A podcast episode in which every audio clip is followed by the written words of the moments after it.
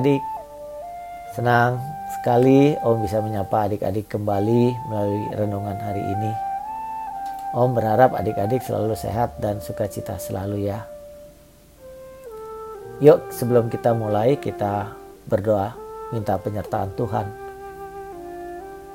Kita berdoa, Tuhan Yesus kami mau membaca dan merenungkan firman-Mu.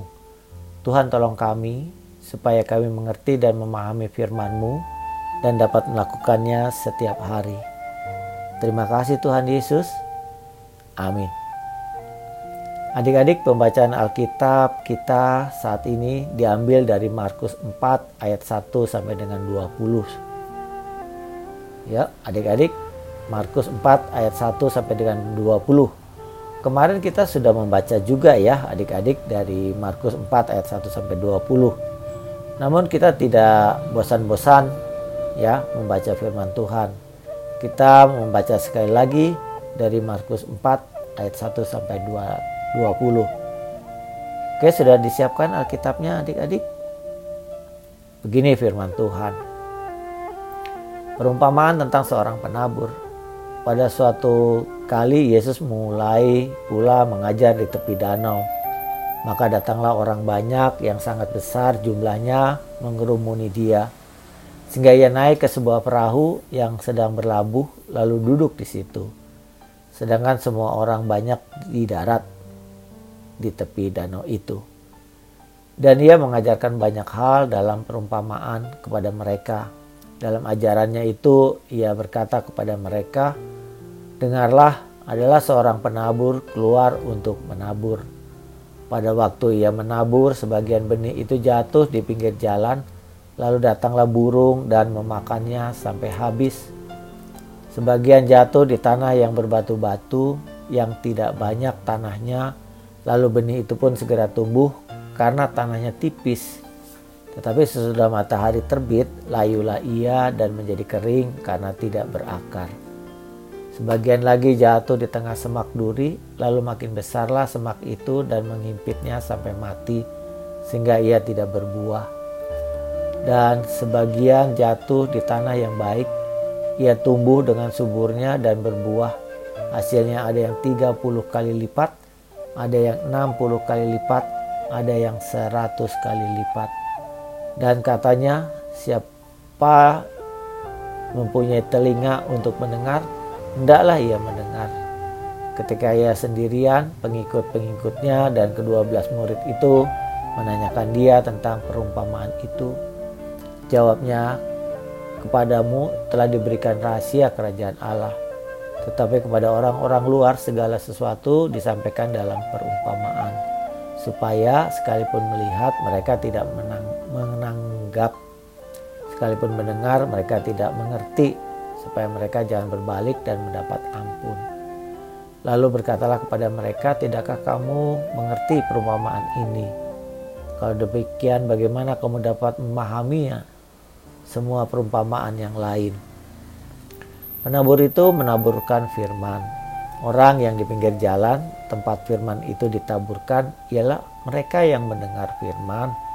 Lalu datanglah iblis dan mengambil firman yang baru ditaburkan di dalam mereka. Demikian juga yang ditaburkan di tanah yang berbatu-batu. Ialah orang-orang yang mendengar firman itu dan segera menerimanya dengan gembira.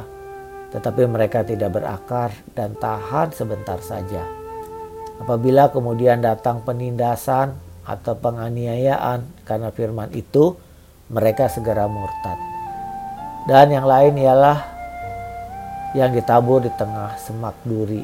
Itulah yang mendengar firman itu, lalu kekhawatiran dunia ini dan tipu daya kekayaan dan keinginan-keinginan akan hal yang lain masuklah menghimpit mereka itu sehingga tidak berbuah.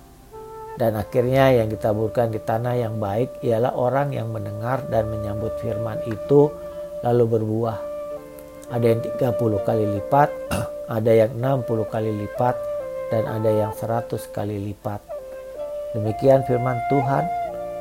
Adik-adik, hari ini kita mau belajar dari seorang tokoh yaitu pendeta Profesor Joas Adi Prastya THD. Fokus ayat firman Tuhan kita dari Markus 4 ayat 20. Dan akhirnya yang ditabur di tanah yang baik ialah orang yang mendengar dan menyambut firman itu lalu berbuah. Ada yang 30 kali lipat, ada yang 60 kali lipat, dan ada yang 100 kali lipat.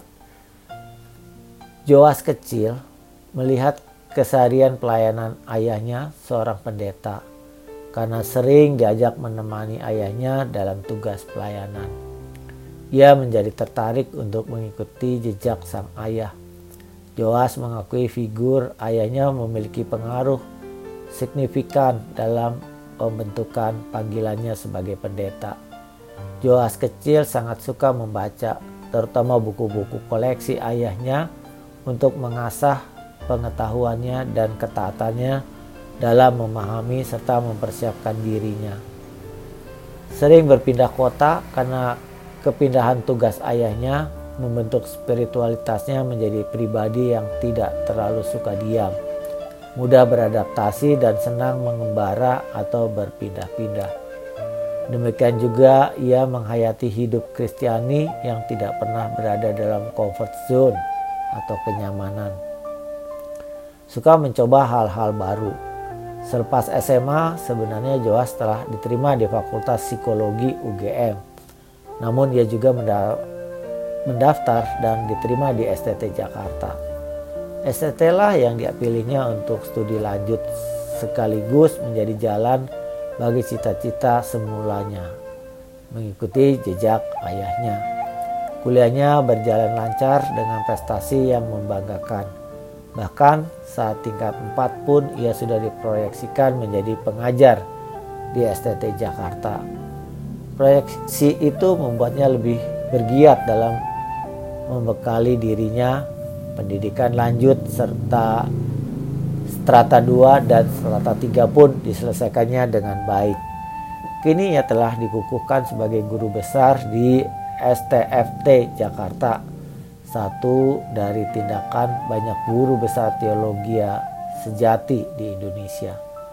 Ia kini lebih dikenal dengan pendeta Profesor Joas Adi Prastia THD.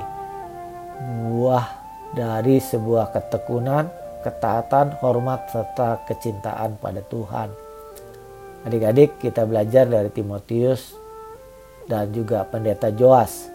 Semenjak kecil mereka suka membaca firman Tuhan. Buah mereka menjadi berkat bagi orang banyak dan memuliakan nama Tuhan. Adik-adik, yuk kita berkomitmen untuk menjadi anak yang takut akan Tuhan dan memuliakan Tuhan. Dan mari kita katakan bersama-sama, aku mau menjadi lahan yang subur bagi kemuliaan nama Tuhan. Om ulangi, aku mau menjadi lahan yang subur bagi kemuliaan nama Tuhan. Adik-adik, yuk kita berdoa kembali. Bapa di sorga, mampukan kami yang masih kecil ini untuk setia kepada Tuhan melalui melalui rajin membaca Alkitab dan taat melakukan perintah Tuhan serta memuliakan Tuhan melalui kesempatan berbagi kepada yang lain dengan pengetahuan dan perbuatan serta perkataan kami. Terima kasih Tuhan. Dalam nama Tuhan Yesus kami berdoa. Amin. Adik-adik demikian firman Tuhan dan renungan hari ini. Kiranya kita selalu mengingatnya dan kita dapat melakukannya setiap hari.